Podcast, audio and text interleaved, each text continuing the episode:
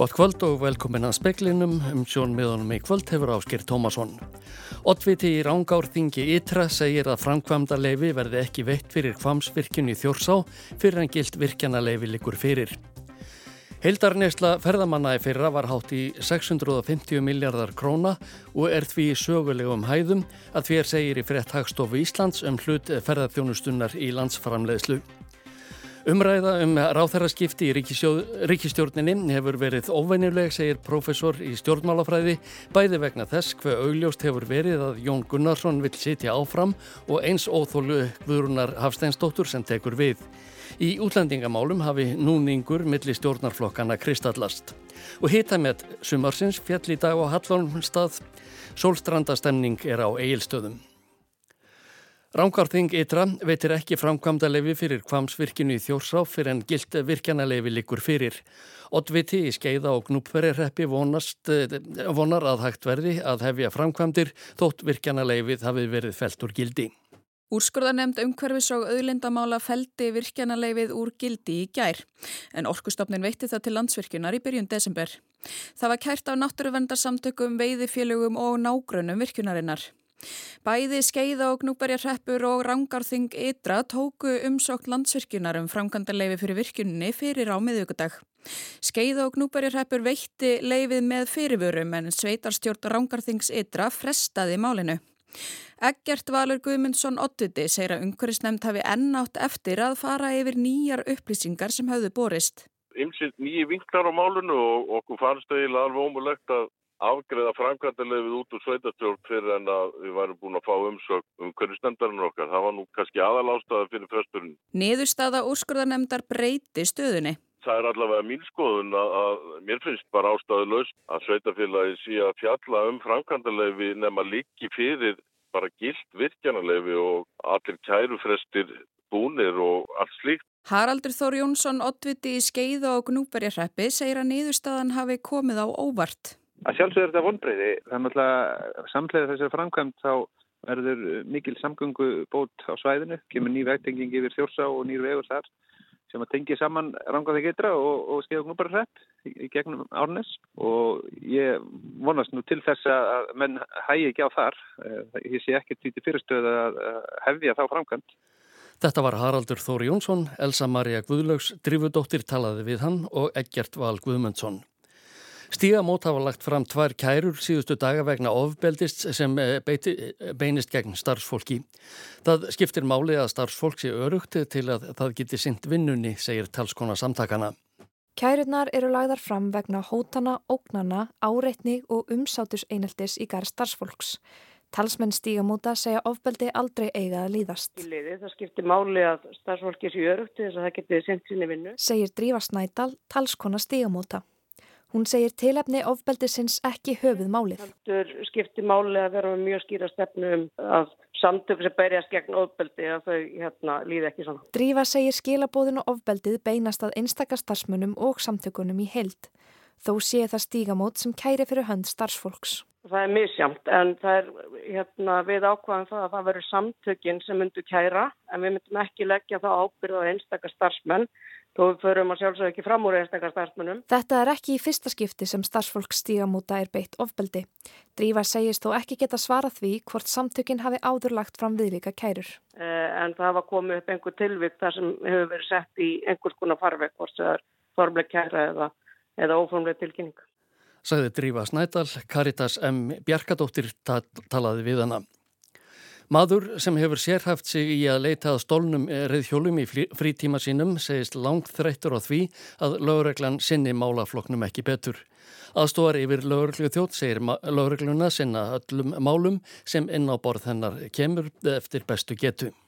Bjartmar Leósson kallar sig hjóla kvíslaran. Hann hefur síðustu þrjú til fjögur ár sérhæft sig að leita stólina hjóla sem honum berast ábendingar og tilkynningar um í gegnum Facebook. Hann hefur nátt góðum árangri og telur að lauruglan geti synd málafloknum betur. Já, blöskar mig bara rosalega mikið aðgerraleysi lauruglu þegar kemur að mjög stórtækum marg ítrekum þjófnaði sem oftar en ekki er að gerast bara í, í næsta nágrænu við lauruglustöðuna lörglumenn hafa sagt um mig sko að margir eru allir að vilja gerðir en þeim er bara mjög frungur stakkursniðin og þeir eru fáliðu og get ekki synd þessu sem skildi.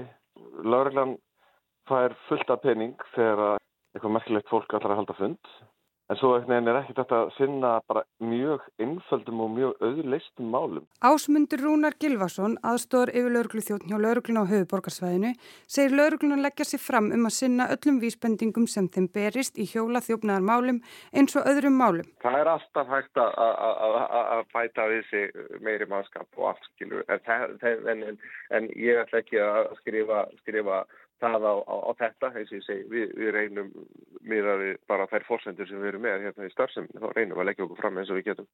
Þetta var ásmundur Rúnar Gilvason, Ásta Lín Magnúsdóttir talaði við hann. Kervislæg vandamál innan lögreglunar í Minneapolis gerðu döðsfallir George Floyd mögulegt.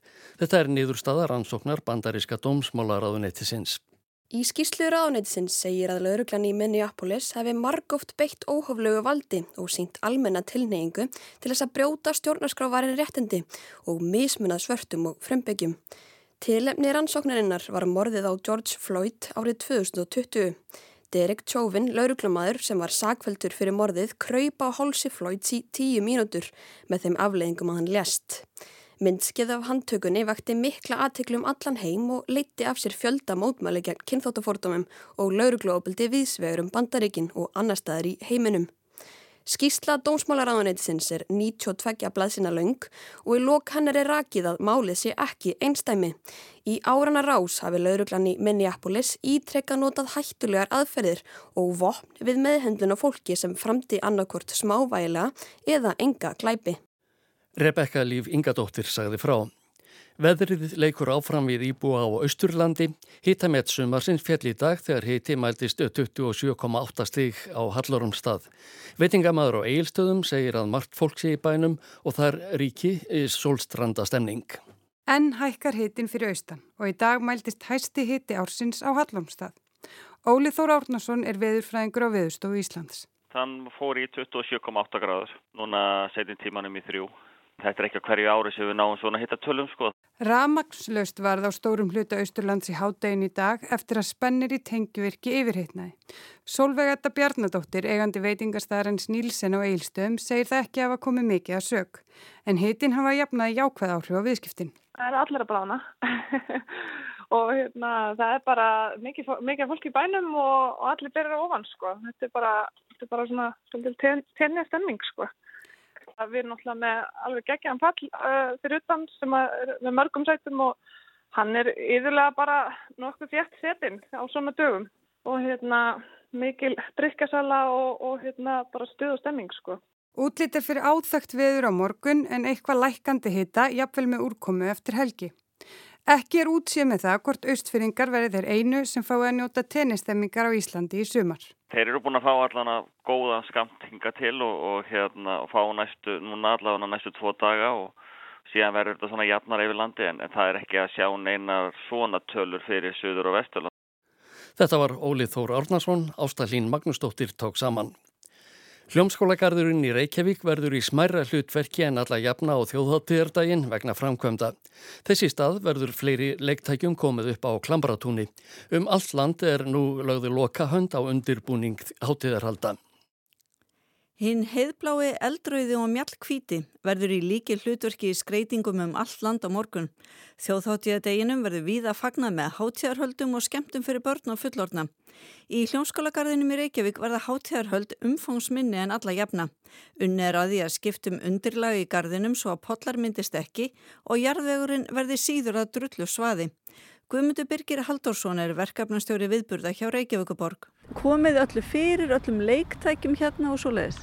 Já, við teljum það. Þetta verður bara eins ögn meira kósi. Þannig að hoppukastalunni verður hérna til hliðar og sirkus hérna hinum einn. Þannig við verðum bara þjætt hérna í kringum hljómskálagarðin. En einni ætlum við að vera með hoppukastal og fleira og svona skemmti aðtrið á DJ upp á Klambratúni. Þannig að við dreifum þessu líka þangað. Á mörgum þéttbúli stöðum um landi hefjast hátjarhöldin á skrúðgöngu og sumstaðar með ávarpi fjallkonu. Þá verða leiktæki söngur, glens og grín í tilefni dagsins og Guðmundur telur að mingun hátíðarsvæðisins í hljómskólagarði verði ekki til þess að ekki komist öll sem vilja þangað. Hvet bara alla til að kíkja á daskarna á 17.juni.is og, og kíkja í bæin og það eru líka verður í laugadalnum skemmtum þar eh, tengt landsleiknum, það er frýtt inn fyrir fólk þar í hoppukastal og fleira og í gráðvogi. Þannig að það er eitthvað líka í, í hverfanum þar sem fólk er. Sæði Guðmundur Birgir Haldorsson, Kristín Sigurðardóttir tók saman. Á sunnudagin er búist við að Bjarni Benditsson, formaður sjálfstæðisflokksins, kynni fyrir þingmönnum flokksins ráðherra skipti. Skiptin verði svo á ríkisráðsfundi á mánudagin. Þetta er ráðstun sem kemur ekki óvart, en það saði Bjarni þetta þegar ráðherrar voru kynntir í nýri stjórn í november í hittið þeirra. Að lokum, dómsmálaráðunætið, þá er það þannig að ég hef tilnemt og fengið þingflokkin til að samþykja að Jón Gunnarsson fari í það ráðunæti að minnstakosti til að byrja með og ég gerir ráð fyrir því að í síðasta lagi eftir svona átján mánuði þá muni Guðrún Hafsteinsdóttir taka við Jóni í embati. Þetta eru því engum óvænt tíðindi og lagt upp með þessar rókeringar frá myndun stjórnarinnar. Eirikur Bergmann Einarsson, profesor í stjórnmálafræði við Háskólan á Böfröst, sér að vissulega hafi mikið verið um þessi skipti rætt samt. Það er kannski svo litið og sé ekki óþægt að þá er það nú ekki mjög algengt að ráður eru settir inn til svona eh, skamstíma, til svona stuttstíma og um, það er svona verið svona ansið mikil umræða um þetta. Mér finnst þú sjálfur sér alveg eðlilegt að, að það hafi ekki verið tilkynnt nákvæmlega um uh, skiptin fyrir en bara að þeim kemur því að sko uh, ráð þeirra sem búið er að, að tilkynna um að sé á leiðinni út að hann er í miklu veikari stöðu í embætti heldur en uh, aðri ráþeirar sem að áfram sitja. Um frekari rókringar hefur ekki frest út af stjórnarheimilinu en þá eru þetta ekkert óhugsandi þegar uppstokkun verður og annað borð, segir Eirikur. Jón hefur ekki dreyið döl á að hann kísi að vera áfram dómsmálaráð þeirra og Eirikur tekur undan að svo reymskipni sé nokkuð óvenileg. Hann er náttúrulega búin að vera í voðalegum spreng Það er margt sem hann hefur sett á dagskrá og margt sem hann hefur viljað koma uh, til leiðar og, og hann hefur verið í miklu kapplaupi við uh, tíman og, og hann já, hefur ekkert farið dullt með það að hann vilja sitja áfram. Og sömuleiðis er uh, sko, þingmaðurinn sem býður eftir ennbættinu er líka sko, tjáð óþólinn mæði sína Þannig að það er eh, kannski sumpart svo litið eh, svona eh, sérstakt hvernig svo umræða hefur verið einhvern veginn að báða að búa. Það hafa verið marg, nokkuð margir sem hafa gengt í ennbættu undanförnum árum, koma ímsar ástæður til en er dómsmálaráðanitið erfitt ráðanit?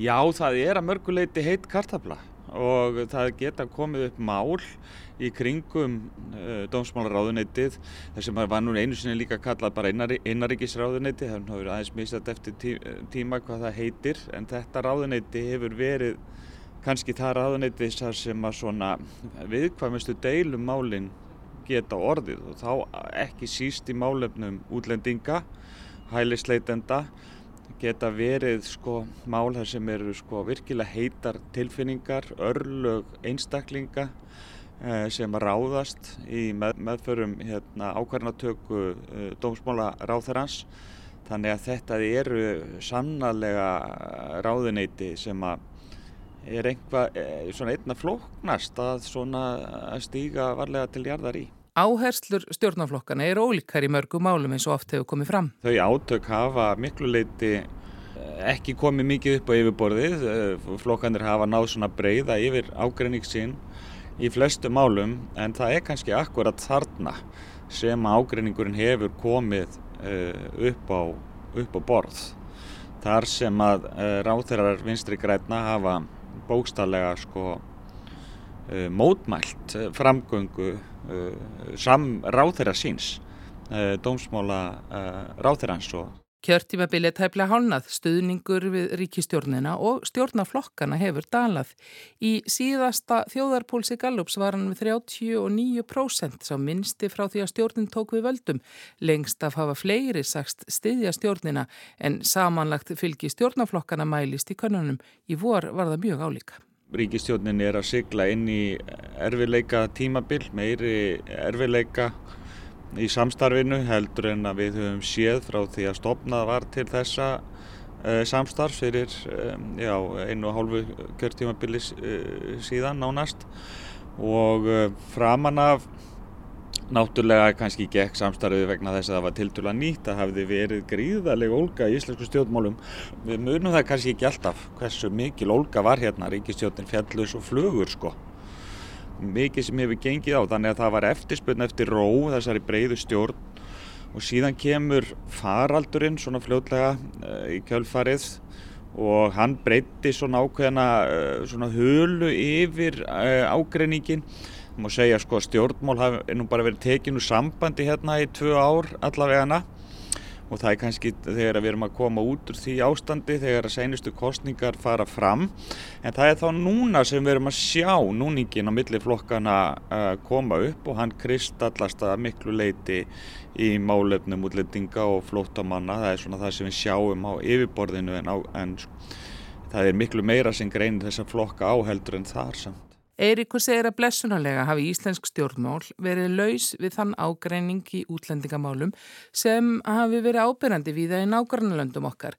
Þau sé að koma fram með miklum þunga núna. Við sáum það til dæmis í eldústags umræðum um daginn af þingi að þingmennir eru byrjað að tala um þessi mál sko að fyrrabræði takaðu upp sjálfur e, í miklu meira mæli heldur en áður var þannig að e, sko sá Svo ólga á ágreiningur sem hefur verið í þeim málum í löndunum í kringum okkar er að koma uh, hinga til okkar líka og það eru allar líkur á því að þetta verði ágreiningsmál á næstunni og jafnvel í aðdraganda uh, næstu kostninga.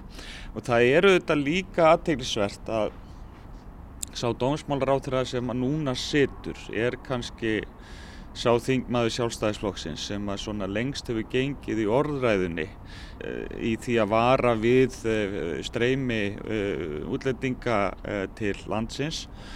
Og Jón Gunnarsson hefur svona valdað ákveðin væng í sjálfstæðisflokknum svona þá sem að vilja sína meiri hörku í þessum málum heldur en kannski aðrir flokksmenn eða aðrir ráþærar og þarna eru samgangur á milli kjósenda sjálfstæðisflokksins og miðflokksins.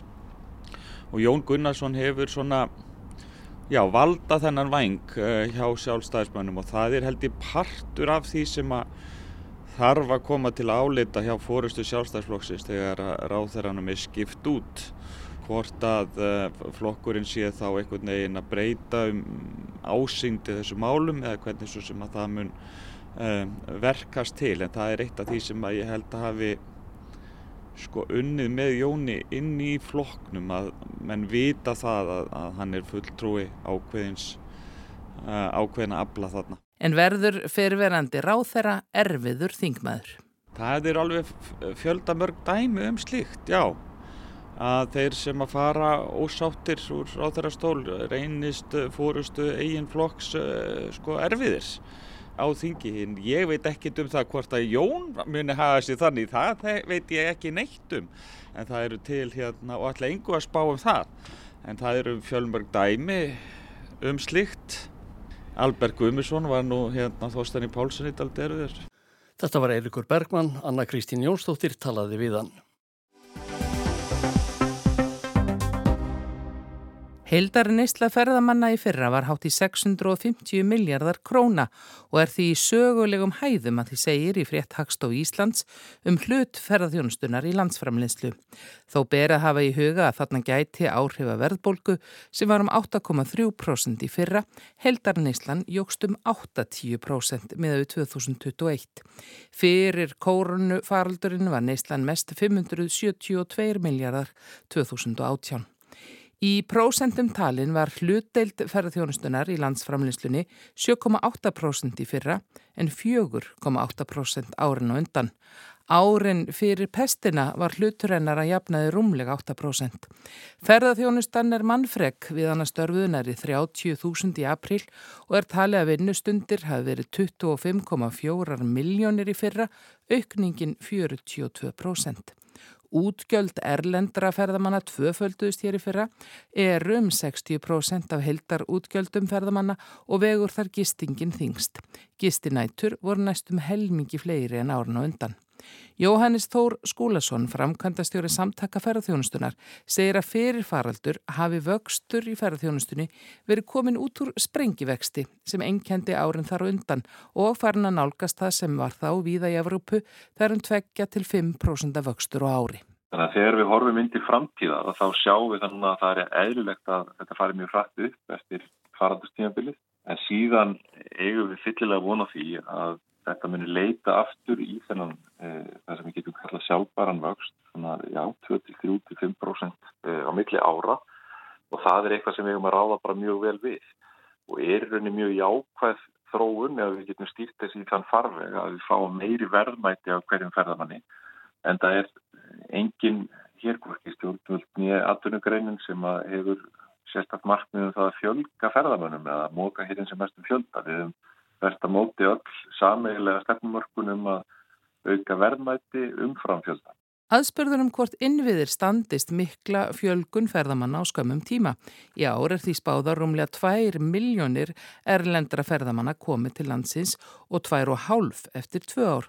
Þá segir Jóhannes að innviðirnir hér séu betra standi en oft sé af látið og mikið hafi verið gert til dæmis á vinsælum áfangastöðum á stuttum tíma frá því að frangvöldasjóðu ferðamannastaða af landsáallunum uppbyggingu innviða voru settar á stað. Það hefur ótrúlega mikið við gert.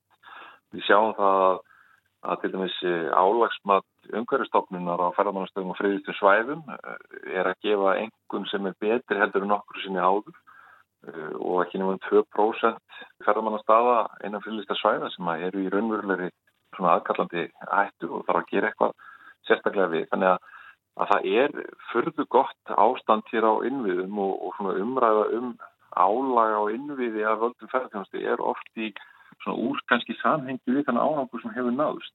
Við erum eins og að kannski að á sama tíma með ímislegt eins og ég hef áður nefnt í svona grunn innviðum landsins sem að hefur tekið lengri tíma að vinna upp þannig að hefur ekki alveg haldið í þennan sprett sem nýja afturmjögræn hefur tekið. Það er eitthvað sem að ekkert samfélag hefði ráðið við og það er ágætt að minna sig stundum á það að þetta er ekki sér Íslands vandamál þegar svona mikil vöxtur verður skumum tíma. Þannig að það er bara verkefni sem við þurfum að horfa til að kemur uh, húsnæðis skortur sem að ekki bara völdum ferðarþjónustu heldur bara af ímsum ástæðum þá fyrst og fremst að við höfum bara ekki byggt nægilega mikið eftir, eftir hrjum. Það kemur líka fram þarna að störfin eru núna um 30.000 Hvernig gengur að fá fólk til starfa? Mæntalega eru flestir að koma frá útlöndum. Það gengur ótrúlega vel í rauninni miða við það sem við áttum vona á að fá fólk til starfa. Það er ensá vandi vegna þess að við höfum mist tölverst af fólki sem var í starfum hér fyrir og þannig að tekking og reynsla hefur tapast. Lífið það að það er meiri starfsmann að velta, það er meiri, meiri fjálfun sem starffólk þarf og meira óvönu fólki en þetta svona, fá bara fólk í störf gengur betri árin í fyrra. Þetta er aftur ekki sýríslegt vandamál, þetta er sama vandamáli á öllu ES svæðinu þannig að e, bara átt að um og samkeppnum starffólk á því svæði er miklu meiri heldur nú var fyrir farandur.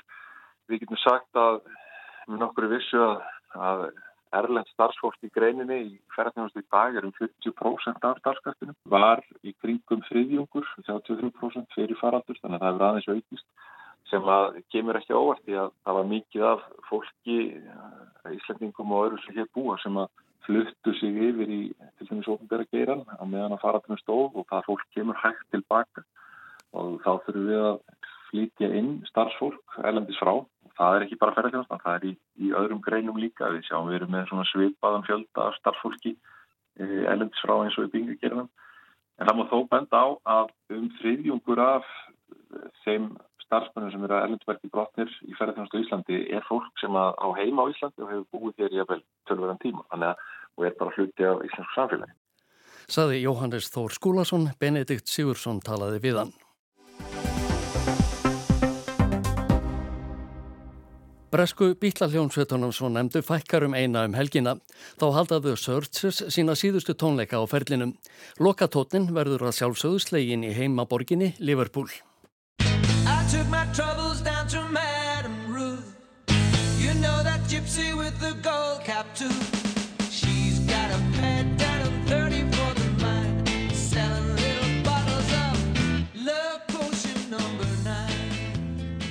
Mercy Beat var tónlistin kölluð sem hljómsveitirnar frá Liverpool fluttu í upphafi sjönda áratugur síðustu aldar drífandi og melodísk, eins konar blanda af amerísku rocki, rithmablús og bresku skifful sem naut mikill að vinsælda á áratugnum þar á undan. Bresku bílarnir, eins og The Beatles, voru jafna nefndir í útvarpi allra landsmanna, voru að sjálfsögðu fremstir í flokki.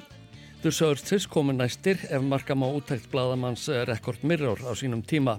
Þegar þessar bresku bílaljónsveitir slói í gegn í vesturheimi var tónlistin kölluð Breska Bilgjan eða The British Invasion.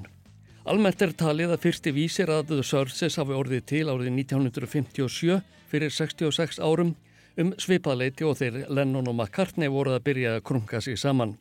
Stopnandin John McNally var þó ekki alveg viss þegar hann reyfið upp fyrstu árin í sjónvarpsviðtali. Yeah, I, I started the band in about 57, 58 with a mate who just come out of the army and he played guitar in the army while I was abroad and then uh, he knew I played so we played on the street corner Ég stopnaði hljómsveitina árið 1957 eða 58 með félögum úr hernum. Ég spilaði á gítar meðan við vorum í herrþjónustu Erlendis og hjælti við áfram þegar við komum heim. Við spiluðum aðalega á götuhornum í upphafi, saði John McNally. Mjór var mikilsvísir og eftir nokkrar mannabreitingar fyrstu árin sló hljómsveitin í gegn árið 1963. Bílaæðið var nýbyrjað og fyrsta smáskefaðu Searches Sweets for my sweet kom út þá um sumarið. McNally segir að hún hafi selst sæmilega þánga til John Lennon kom til hjálpar. It was selling but not in great amounts and then a journalist said to Lennon what's your favourite record? And he said oh it's the Sweets My Sweet by the Searchers and he went who were they? He said the Liverpool band you know and it was number one in two weeks. Hvert er uppáhaldslæðið spurði bladamadur Lennon. Hann svaraði að það væri Sweets for My Sweet með The Searches. Hverjir eru þeir? spurði bladamadurinn. Nú hljómsveit frá Liverpool svaraði Lennon og eftir tvær vikur var lægið komið í efsta sæti.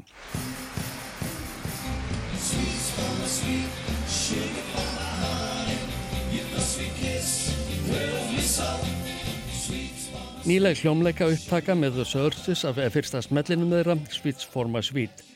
Hún fannst á YouTube og hefði vissulega mátt hljóma betur. Eftir að hljómsveitin komst í fyrsta skipti í efsta sæti breska vinsaldalistans komu smellirnir hver af öðrum Sugar and Spice, Needles and Pins, Goodbye My Love, When You Walk in the Room, Don't Throw Your Love Away og fleiri. 13 lög rötuð inn á breska vinsaldalistans og þrjú í efsta sætið. Hæg gengur hljómpluturnar urðu tíu og samtpluturnar eru ófáar. Alls er talið að þú sörtsis hafi selt um það bíl 50 miljónir hljómplatna á ferðlinum. Árið 2018 fannst þeim nóg komið og tilkynntu að þeir veru sestir í Helgan Stein. Tony Allen, bassaleikari sem hefur leikið með hljómsveitinni frá 1964, sagði í viðtali fyrra á árinu að í fyrra hefði kviknað svo hugmynd að fara eina hljómleikaferði í viðbót til að þakka aðdáendunum fyrir samfélgdina. Ferðin hófst í april. Tónleikarnir eru orðnir 42 og þeir síðustu verða á morgun. Allen hvaðst ekki búast við að þeir ættu eftir að spila meira. Aldurinn væri farin að segja til sín, hann verður áttræður í desember og John McNally að verða 82 ára. Hinnir sem eru með í lokaferðinni eru einnig nokkuð við aldur. Því er málað linni og ef að líkum lætur verður lokalag tónleikana í Liverpool Needles and Pins.